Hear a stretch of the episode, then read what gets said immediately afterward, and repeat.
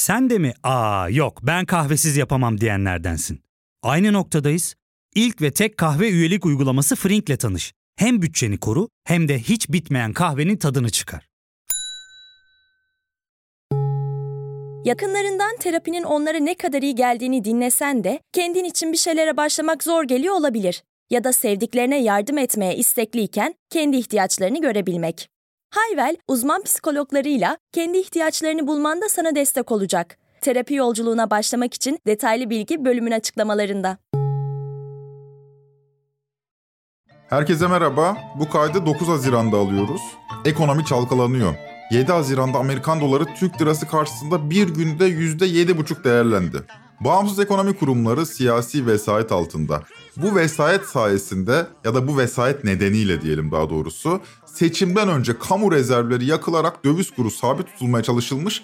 Bu sayede ekonomi tıkırında algısı yaratılmıştı. Seçim bittiğine göre boşu boşuna bu algıyı yaratmak için milyarlarca dolar yakmaya gerek yok. Dolayısıyla koy verin gitsin dolar 23,5 lira ekonomi tıkırında. Ekonomi tıkırında, ekonomi tıkırında. Kriz var, kriz var, bunalım var. Ekonomi tıkırında, ekonomi tıkırında. Ekonomi tıkırında madem biz ekonomiyi konuşmayalım. CHP lideri Kemal Kılıçdaroğlu 28 Mayıs'tan bu yana kameraların karşısına çıkmıyor. CHP Genel Merkezi'nde sessizlik hakim. Ne olacak bu CHP'nin hali? Sosyal medyada muhalif mahallenin tartıştığı bu. Biz de bunu konuşalım. Fakat kısır tartışmaların içine düşmeyelim. Muhalefetin tarihsel durumunu tespit etmeye çalışalım. Özetle bu bölümde muhalefeti konuşacağız. Şimdi bu bölümde dedim ama bunu iki bölüm halinde yapacağız. İlk bölümde tarihsel durumu konuşacağız dedim. O tarihsel durum bağlamında iflas eden paradigmaları masaya yatıracağız. İkinci bölümde ise daha ziyade CHP'ye odaklanacağız. O halde ilk bölüme girelim. Ben Ozan Gündoğdu, hazırsanız başlayalım.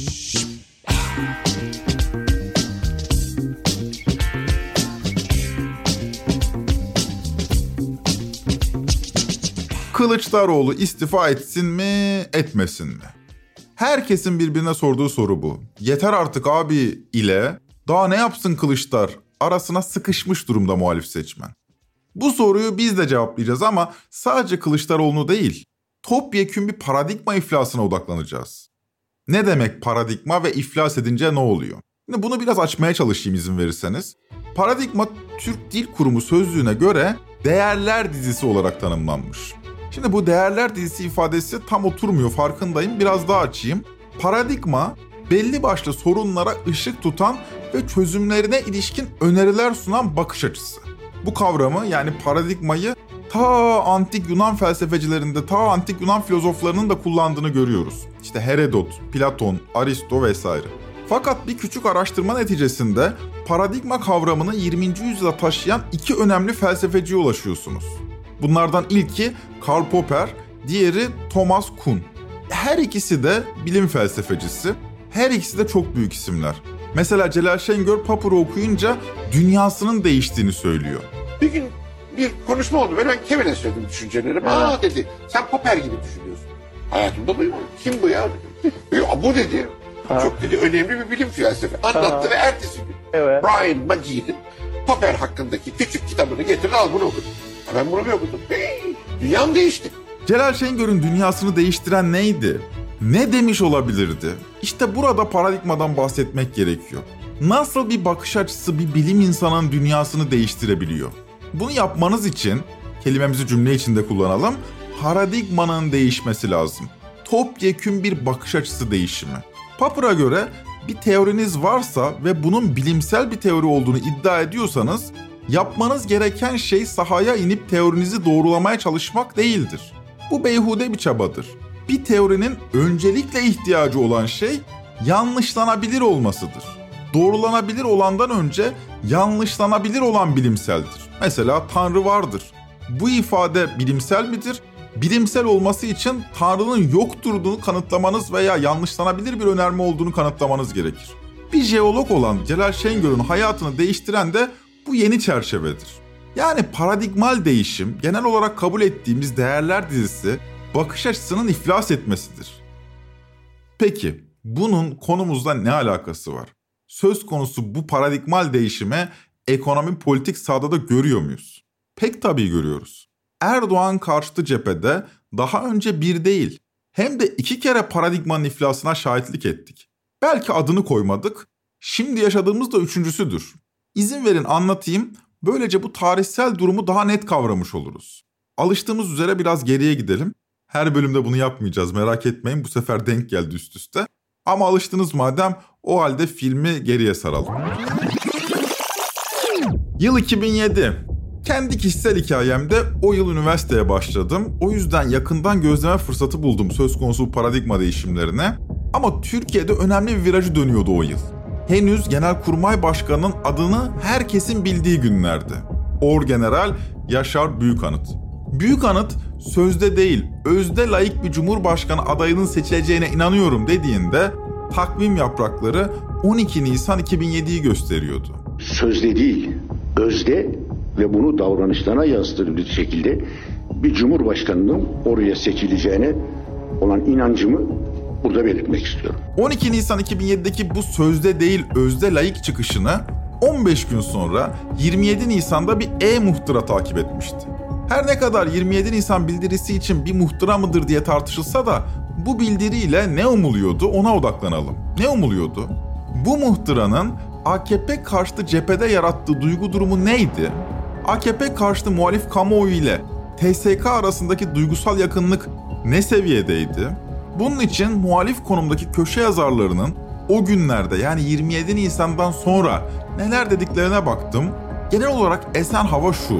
AKP'nin ipini TSK çekti artık AKP doğrulamaz.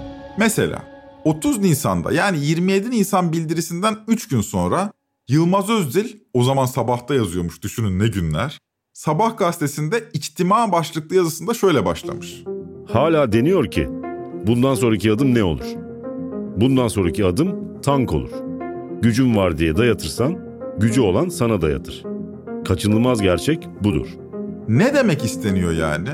Demek isteniyor ki bu iş böyle devam ederse darbe olur tank gelir. Kabahatlisi de gücün var diye dayatan AKP'dir. Yazısını da şöyle bitirmiş. Yalaka medya korusu ve şakşakçı iş dünyası padişahım çok yaşa naralarıyla havaya soktu, siyasi körlük yarattı. Gümbür gümbür gelen görülemedi. Erken seçim kesmez artık. Acilen seçim, acilen. O günlerdeki hava buydu. Türk Silahlı Kuvvetleri bir muhalif unsur olarak algılanıyordu. Türk Silahlı Kuvvetleri bir bildiriyle bunları göndermezseniz ben gelirim demiş oluyordu. Halk da buna karşılık verecek, darbe istemiyorsa AKP'yi gönderecekti. Yılmaz Özdil gibi yazarların anlattığı da buydu. 22 Temmuz 2007 seçimlerine işte böyle gidiyorduk. Asker halkını uyarmıştı. Bu uyarıdan da halkın bir ders çıkarması umuluyordu. Ama 22 Temmuz'da yani o seçim günü AKP'nin %46,5'luk oyu bu paradigmanın iflası anlamına geliyordu. 12 puan birden arttırmıştı oyunu sadece 5 yıl içinde AKP. TSK'nın AKP'ye dönük uyarıları AKP'ye zarar vermiyor, tam tersine onu güçlendiriyordu. Yanlışlanan buydu. İlk çöken paradigmada bu oldu. Bu çöküşün ardından zaten Fethullahçılarla beraber TSK'ya dönük operasyonlar başladı. Ergenekon, balyoz, askeri casusluk gibi bugün kumpas olduğunu anladığımız davalara o gün bağırsaklarımız temizleniyor demişlerdi. Yıllar sonra yaşanan tezgahı AKP MKYK üyesi Emre Cebil Ayvalı CNN Türk'te açıklayacaktı. FETÖ ile AK Parti geçmişte bürokraside kol kola girdiyse şayet bunu da farklı darbecileri tasfiye etmek için yaptık. Bir tarafta çok açık söylüyorum darbeci Kemalist gelenek vardı bir tarafta FETÖ vardı ve bunları birbirine kırdırmak suretiyle yol almak evet. Öyle ya da böyle. 2002'den 2007'ye kadar süren asker izin vermez abi paradigması o seçimlerde çökmüş, çöktüğünü anlamamız 2-3 yılımızı almıştı. Fakat 2007'den sonraki süreçte Ergenekon balyoz davaları görülürken bir başka fenomen canlandı. Benim gençlik yıllarımdan itibaren şahit olduğumda buydu. Bir tarafta gençliğe heyecan vermeyen Deniz Baykal CHP'si, diğer tarafta otoriter tonunu giderek arttırmaya meyilli AKP. Ve siyaset de halk kesimleri tarafından tartışılmıyor, çok üstten bir dille tartışılıyor. Buna karşılık AKP'nin darbeciliğe karşı demokrasi mücadelesi verdiğini savunan liberal sol eğilimli bir çizgi de var. Tüm bunların yanında üniversite gençliği arasında da AKP karşıtı bir çizgide giderek yükseliyor ve bu çizgi kendisini parlamentoda değil sokakta ifade etmeye başlıyor. Gerçekten büyük mitingler, kitlesel yürüyüşler, yaratıcı sloganlar ve eylemler, mesela yumurtalar. YÖK Başkanı'nı öğrenciler yumurta atarak protesto etti. Karga tulumbada salondan çıkarıldılar. Görüyorsunuz işte demokrasi. Görüyorsunuz işte demokrasi diyen gencin derdi belli. Kendisini şahsen de tanırım. Aslında demokrat diye parlatılan AKP'nin zannedildiği kadar demokrat olmadığını teşhir etmek istiyor. Yumurta işin sembolü. O yıllarda özellikle 12 Eylül 2010 referandumundan itibaren safları iyice netleşmişti. AKP'nin anayasasına evet mi diyorsun, hayır mı diyorsun? BDP yani o zamanki adıyla BDP boykot demişti ama saflar BDP dışındaki siyasi yelpazede son derece netti. Toplumsal muhalefet hız kesmeden yükseliyor, gençlik kendi derdini sokakta ifade etmeye başlıyordu. Bir yandan da Türkiye hızla neoliberal düzene tam olarak eklemleniyor. Eğitim, sağlık, ulaşım, barınma hızla piyasalaşıyordu. Geniş emekçi kesimlerin güvencesi olan sosyal devlet tasfiye ediliyor. Sosyal devlet sosyal yardımlara indirgeniyordu. Büyük kentlerde ulaşım zamları protestosuz yapılmıyordu. Ankara Büyükşehir Belediyesi'nin ulaşımda zamlı tarifeye dönmesini protesto eden üniversite öğrencileri belediye otobüslerine biletsiz binmeye çalıştı. Çevik kuvvetin sert müdahalesiyle 127 öğrenci gözaltına alındı. Eylemin devamı da sprey boyayla geldi. Öğrencilerden yükselen sese işçiler de omuz veriyor. Güvenceli geleneksel işçi sınıfı özelleştirmelere isyan ediyordu. Sadece öğrenciler değil, 1 Mayıs'larda işçi sınıfı da yüz binlerle akın ediyordu meydanlara. Yasaklı meydan Taksim, yıllar süren mücadelenin ardından işçilere açılmıştı. 1 Mayıs, 1 Mayıs, işçinin, emekçinin bayramı. 1 Mayıs, 1 Mayıs, işçinin, emekçinin bayramı. 1 Mayıs'lara olan bu ilginin temelde iki nedeni vardı. Birincisi büyük ölçüde öğrenci gençlik hareketinin direngen duruşu AKP karşıtı kamuoyuna moral veriyordu. Bir de halk kesimleri çok sert bir güvencesizleştirme dalgasıyla karşı karşıyaydı. Fakat hepsinden önemlisi o dönemin paradigması, o dönemin ruhu buydu. Sokakta sesini yükselten halk ancak AKP'ye ve AKP'lilere sesini duyurabilirdi. En azından zannedilen buydu. Bugünlerde ekonomiyi kişi başına gelir cinsinden ölçmek moda oldu da AKP'nin ilk 10 yılı neoliberal programın son derece sert uygulandığı yıkım yıllarıydı. Güvenceli işçi sınıfı özelleştirmeler ve çalışma rejiminde yapılan değişikliklerle tasfiye ediliyor, işçilerin sosyal haklarının üzerinden geçiliyordu. Bu açıdan değerlendirildiğinde bir dönemin sonu diyebileceğimiz çok sembolik bir direnişe de şahit olacaktık 2010'da. Tekel direnişi. Tekelden devam edeceğiz ama kısa bir mola. Ya fark ettin mi? Biz en çok kahveye para harcıyoruz. Yok abi, bundan sonra günde bir. Aa, sen Frink kullanmıyor musun? Nasıl yani? Yani kahvenden kısmına gerek yok. Frink'e üye olursan aylık sadece 1200 TL'ye istediğin çeşit kahveyi istediğin kadar içebilirsin. Günlük 40 TL'ye sınırsız kahve mi yani? Çok iyiymiş. Aynen. Hatta şu anda 200 TL'lik bir indirim kodu da var. E hadi hemen indirip üye ol da bu fırsatı kaçırma. Terapiye başlamak, içinden çıkamadığın döngüleri kırmak, bazı yanlış bulduğun kararlarını değiştirmek ve kendinle beraber daha huzurlu bir yaşam inşa etmek için atabileceğin en değerli adımlardan biri. Hayvel ile yoğun yaşam tempona uyum sağlayarak online terapi seanslarını takvimine göre ayarlayabilirsin. Bini aşkın uzmandan sana en uygun terapisti seçebilir, podb10 koduyla indirimden yararlanabilirsin. Detaylı bilgi açıklamalardaki bağlantıda. Geleneksel işçi sınıfının bizim memleketteki belki de son temsilcisiydi tekel işçileri. Bugün onların yerlerine organize sanayi bölgelerinde yarı aç, yarı tok, örgütsüz, sendikasız, güvencesiz yeni işçi sınıfı aldı. Böyle güvencesiz işçi sınıfının ilk gördüğü zor aygıtına direnmeden boyun bükmesi, faşizme rıza göstermesi son derece olağandır. O yüzden şaşırmamak gerekir söz konusu bu işçi sınıfındaki Erdoğancılaşma eğilimine. Ama tekel işçileri bu taşeronlaştırma, güvencesizleştirme saldırısına son sözlerini söylemişti. Başkentin göbeğinde haftalarca çadır kurup direndiler. Kızılay belki de binlerce kez ölmek var dönmek yok sloganlarıyla yankılandı. Ölmek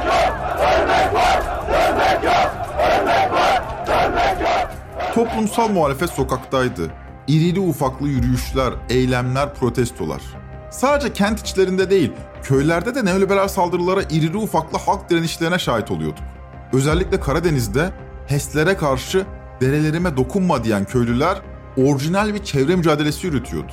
Bu mücadele esnasında peki Erdoğan ne yapıyordu? Her şeyi izliyor muydu? Hayır. Son derece sert tedbirlerle de olsa bu söz konusu direnişlerin üzerine gidiyordu. Fakat devletin tümünü ele geçirmemişti söz konusu cephe. Bu mücadele yani çevre mücadelesi 31 Mayıs 2011'de Başbakan Erdoğan'ın Hopa'ya gitmesiyle büyük bir protesto gösterisine dönüştü. Polisin çok sert karşılık vermesi sonucu öğretmen Metin Lokumcu hayatını kaybetti. Metin Hoca derdini sokaklarda, meydanlarda dillendiren toplumsal muhalefetin ilk kaybı oldu. Devamının geleceğini ise o yıllarda henüz bilmiyorduk. Aklımızda Ruşen Çakır'ın Erdoğan'la yaşadığı o diyalog kaldı. Ama öldü efendim dedi Ruşen Çakır. Üzerimde bir şey var. Onu söylemeden, sormadan soru değil aslında. Ben Opalıyım ve hayatını kaybeden Allah rahmet eylesin Metin Lokumcu da benim akrabam. Ben Diyarbakır'dayken Kılıçdaroğlu izlerken bu olay oldu ve çok üzüldüm. Her anlamda bütün akrabalarım da tanıdıklarım da. Gerçekten iyi bir insan tarihsiz bir şekilde öldü. Yani Metin Lokumcu sizin memleketinizde yıllarca öğretmenlik yapmış birisidir. Tarihsiz bir şekilde öldü ve sizin ilk günkü şeyinizi, tepkinizi, şeyinizi gerçekten yadırgadık. Ben ve ailem, akrabalarım yadırgadık. Aradan geçen zaman içerisinde bu konuyu herhalde düşünmüşsünüzdür. Diyeceğiniz bir şey var? Ben e, öncelikle tabii sizin akrabanız olması sebebiyle başınız sağ olsun. Ama size bazı resimleri inşallah arkadaşlar ulaştırsınlar. Bir de ses kasetlerini ulaştırsınlar. O ses kasetlerini dinlediğiniz zaman bir de o resimleri gördüğünüz zaman acaba emekli bir öğretmene bunlar yakışır mı diye herhalde siz de akrabanız da olsa hakkı teslim etmeniz gerekir diye düşünüyorum. Ama öldü efendim. Ne? Evet. Ben sadece bunu söylüyorum. Ama öldü efendim ifadesinden sonra Ruşen Çakır bir daha NTV'ye çıkamadı. Yeni dönemin ruhunu Erdoğan belirliyordu. Artık hiç taviz vermeyecekti. 2011'in ardından Erdoğan da yükselen toplumsal muhalefetin üzerine çok daha sert gidecekti.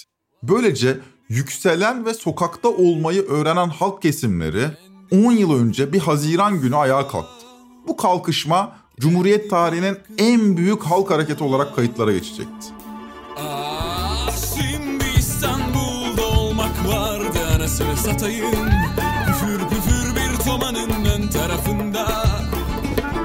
Şu anda Ankara'da olmak vardı anasını satayım. Kızılay'da kafa tutmak alayına Gezinin tamamı değil ama ilk 3 günü bir fenomene dönüşmüştü. Türkiye'nin AKP karşısındaki tüm siyasi yelpazesi sokaktaydı. Milliyetçiler, BDP'liler, HDP'liler, Kürtler, sosyalistler hepsi. Milyonlarca insan gündüz işe gidiyor, gece direnişe katılıyordu. Fakat iflas eden ikinci paradigma da bu oldu.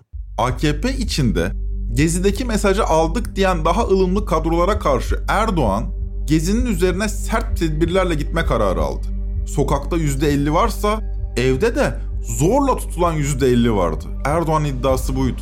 Şu anda evlerinde bizim zorla tuttuğumuz bu ülkenin en az yüzde ellisi var. Ve biz onlara diyoruz ki aman sabırlı olun. Böylece Gezi ile birlikte bir kapana sıkışmıştık. Erdoğan kendi muhaliflerini bir canavar olarak resmederek evdeki %50'yi konsolide ediyordu. Hatırlayın camide içki içtiler, ayakkabıyla camiye girdiler, deri eldivenli sapıklar bunlar, başörtülü bacıma saldırdılar. Şimdi tekrar dinlemeyelim bu lafları ama %50'ye %50'lik bir didişme halini tercih etti Erdoğan. Kazanmanın adı evdeki %50'yi yine evde korku dolu bir bekleyişle tutmaktı. Yıllar sonra 2022'de Ali Babacan T24'ten Murat Sabuncu'ya o günleri anlatmış. Erdoğan için ne diyor biliyor musunuz? Durduramadık. Bambaşka bir ruh haline girdi diyor. İçeride mücadele vardı diyorsunuz değil mi gezi sırasında? nasıl? Ya içerideki mücadele sadece ben değil ya. Bakanların tamamı neredeyse. Durduramadık yani. Gözünü kararttı, durduramadık. Yani değişik bir psikolojiye girdi. Yani o onu zaten 2013 dönüm noktası biliyorsunuz. Sadece yani 2013'ten sonra Türkiye'de o gün bugündür her şey kötüye gidiyor yani. Gezi'den sonra 17-25 Aralık yolsuzluk dosyaları patlamış, gözler 31 Mart 2014 yerel seçimlerine dikilmişti.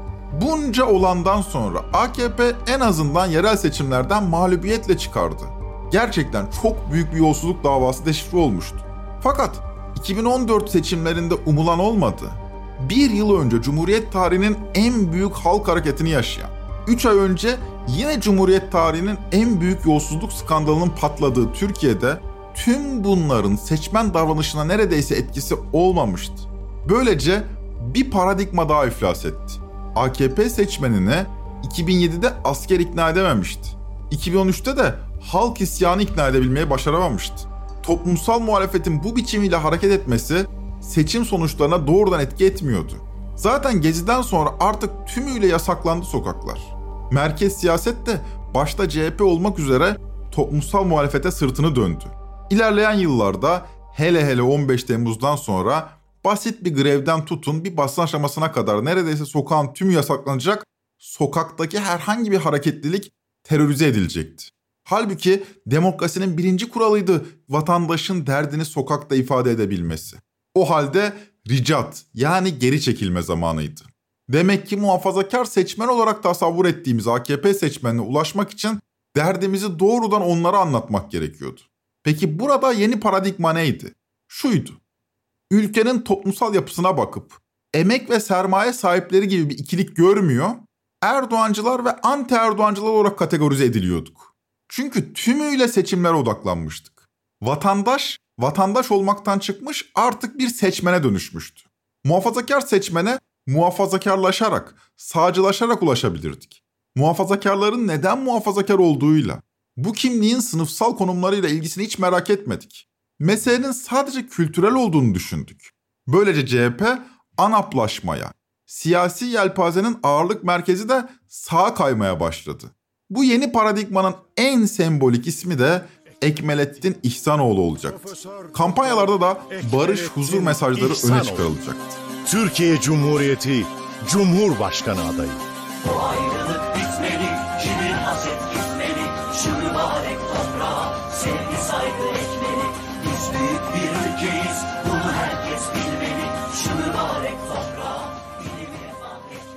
Muhafazakarlarla barışma, muhafazakarlarla helalleşme projesine gerçekten karşı çıkmıyorum.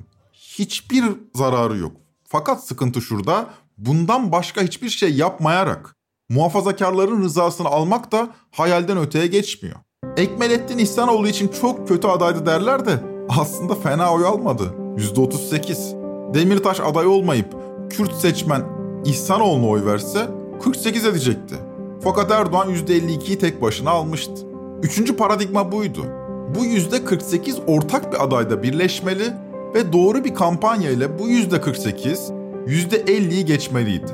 Zaten muhalefetin tümü birleşirse eğer ortaya çıkacak sinerji %50'yi aşmasını sağlayacaktı muhalefetin. Erdoğan madem %50'yi zor tutuyordu, Erdoğan karşıtları da %50'yi bir araya getirmeliydi. Ama bu %50 çok parçalı. Muhafazakarlar var, milliyetçiler var, Kürt milliyetçileri de var, Türk milliyetçileri de var, sosyal demokratlar var, Alevisi var, Kürdü var vesaire. 2018'de de denenen buydu. Daha önce anlatmıştım. Ortak aday bulunamayınca 2018'de CHP Muharrem İnce formülünü masaya sürmüş ama zaten kaybedeceğini bilerek masaya sürmüştü. Erdoğan yine %52 oy almıştı. Bu sefer muhalefet 3'e bölünmüş, İnce de %30 almıştı. 2023'te de denenen buydu. Bu sefer diğer iki seçimden farklı olarak ortak aday etrafında birleşilmiş, detayları geçelim ama sürecin sonunda Kılıçdaroğlu 48, Erdoğan yine %52 almıştı. İşte 28 Mayıs akşamı paradigma iflas etti dememin sebebi buydu. Ortada bir önerme vardı ve bu bilimsel bir önermeydi. Erdoğan madem Erdoğancılığı köpürtüyor ve evde %50'yi zor tuttuğundan bahsediyor, o halde muhalefet de anti Erdoğancılıkla birleşmeli, bu birleşmeden doğan enerjiyle %50'yi geçmeliydi. Yani baş çelişki Erdoğan'ın kendisi olarak kodlanmalıydı. Erdoğan'dan sonrasını tasarlamalıydı siyasi yelpaze. Bu yarı yarıya bölünen dehşet dengesini alt etmenin yolu buydu yani. Bu bilimsel bir öneri miydi? Bence bilimseldi. Fakat bilimsel olması hakiki olduğu anlamına gelmiyordu. Karl Popper'ı hatırlayalım. Yanlışlanabilir olan şey bilimseldi. Nitekim yanlışlandı da. Erdoğan kendi tabanını Erdoğancı hale getirirken kullandığı nefret diliyle karşıtlarını da anti Erdoğancılıkla birleştiriyordu. Böylece karşısında Türk milliyetçilerinden sosyal demokratlara oradan Kürt hareketine kadar bir dizi çeşitli blok yaratmıştı. %50 artı 1 olarak uygulanan yeni sistem de anti Erdoğancıları bir arada durmaya zorluyordu. Bu söz konusu bir arada geliş bir tercih değil bir demokratik zorunluluktu. Gazeteci Kadri Gürsel bu durumu baş çelişkinin Erdoğan olması olarak yorumluyor. Anti-Erdoğanizm Türkiye'deki en güçlü ve bütün akımları, var olan bütün akımları yatay kesen yani birleştiren bu anlamda bir ortak mutabakattır. Olumsuz yani anti olduğu için negatiftir tabii ama kendi içinde olumluyu barındırır. Çünkü anti-Erdoğanizm Türkiye'nin sorunlarının çözümünün ön şartının Erdoğan'ın demokratik yollardan gitmesine bağlı olduğunu kabullenmekten kaynaklanan ileri gelen bir tutum alıştır. Anti Erdoğanizm bu yani Erdoğan'ın Erdoğan'ın Türkiye'nin baş çelişkisi olduğunu farkında olmadan kabul etmek bu. Baş çelişki yani Türkiye'nin bütün sorunlarının çözümünün ön koşulunun Erdoğan'dan bu manada Türkiye'nin demokratik yollardan kurtulmasıdır. Erdoğan'ın baş çelişki olması. Bu yoruma katılmamak elde değil. Gerçekten de Türkiye'nin baş çelişkisi Erdoğan'dı. Tüm gündemlerin önünde bir fenomendi Erdoğan. Fakat nedir bu baş çelişki? Şu demek. Temel çelişkiniz ne olursa olsun öncelikle çözmeniz gereken çelişkiniz baş çelişkidir. Nasıl örnek verelim? Bir Türk milliyetçisi için temel çelişki atıyorum Türkiye dışındaki Türklerle kucaklaşmaksa veya PKK'ya prim vermemekse buna benzer güvenlik endişeleri ise baş çelişki Erdoğan olabilir. Ya da bir HDP'li için düşünelim. Temel çelişki tekçi ulus devletin değiştirilmesi ise mesela baş çelişki yine Erdoğan olabilir. Ya da bir sosyalisti hayal edelim. Temel çelişki emek sermaye arasında yaşanıyorsa yine baş çelişki Erdoğan'dır. Dolayısıyla temel çelişkilerde birbirinden ayrışan hem de bayağı ayrışan fakat baş çelişkinin Erdoğan olduğunda uzlaşan kesimler birleşmeliydi. Peki birleştirecek güç kimdi? Bu noktada Erdoğan'ın en çok gitmesini isteyen grup olarak CHP öne çıkıyordu. Zaten ana muhalefet partisi olarak da sorumluluk ondaydı. Ve öyle ya da böyle ağır aksak da olsa bu birliktelik sağlandı. Kimlikler bir araya geldi ama sınıfsal kompozisyona hitap edilmedi. Ya Allah aşkına. An itibariyle Mehmet Şimşek'ten ne kadar farklı bir vizyonu vardı altılı masanın? Çok daha deneyimli ve başarılı ekonomistler olabilirlerdi ama vizyonda büyük bir değişim yoktu. Ortodoks, neoliberal, piyasacı. 28 Mayıs'ta yenilen Kılıçdaroğlu'ydu. Fakat Kılıçdaroğlu ile beraber paradigma da iflas etti. Ya da şöyle diyebiliriz. Mevcut paradigmanın lideri varoluşu gereği CHP'ydi ve dolayısıyla Kılıçdaroğlu'ydu. 28 Mayıs'la birlikte bu paradigma iflas etmediyse bile lidersiz kaldı. Dolayısıyla paradigmanın iflas etmesiyle aynı sonuç ortaya çıktı. Temel çelişkilerde birbirinden farklılaşan ama baş çelişkinin Erdoğan olduğunda uzlaşan kesimler bir araya geldiğinde dağınık haldeki güçlerinden daha fazla sinerji yaratamadılar.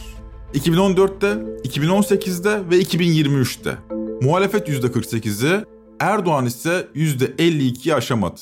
3 seçimde de birbirine benzer oylar aldı Erdoğan. 2028'e aynı paradigmayla hazırlanmak bana kalırsa artık anlamını kaybetti. Zaten 2028'de Erdoğan'ın tekrar aday olup olmayacağı, hatta hayatta olup olmayacağı bile belli değil. Dolayısıyla anti Erdoğancılığın son 10 yıldaki paradigması iflas etti ya da dediğim gibi lidersiz kaldı. Önce 2007'de, daha sonra 2013'te yaşadığımız paradigma değişimini şimdi bir de 2023'te yaşayacağız. Bundan sonra ne olacağını zaman gösterecek ama değişmek durumundayız. Peki değişimin yönü nereye doğru olacak veya olmalı? Bunu bir sonraki bölümde konuşmak üzere vedalaşalım. Bir sonraki bölümde daha ziyade CHP'nin güncel durumunu masaya yatıracağız. Trend Topi'yi Podbi Medya ile beraber hazırlıyoruz. Bir sonraki bölüm bu bölümün devamı olacak. Takipte kalın lütfen, hoşçakalın.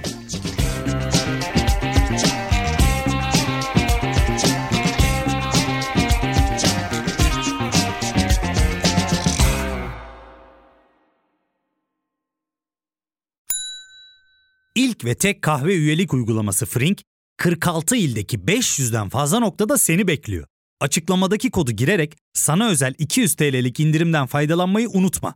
Hadi sen de Frink üyeliğini başlat, kahven hiç bitmesin. Hem bugününe hem yarınına katacaklarıyla terapi yolculuğuna ve daha iyi hissetmeye bugün Hayvel ile başla. Açıklamadaki linkten Hayvel'i indir, ücretsiz tanışma görüşmelerinin ardından bütçene uygun seans paketini seç ve terapi yolculuğuna başla.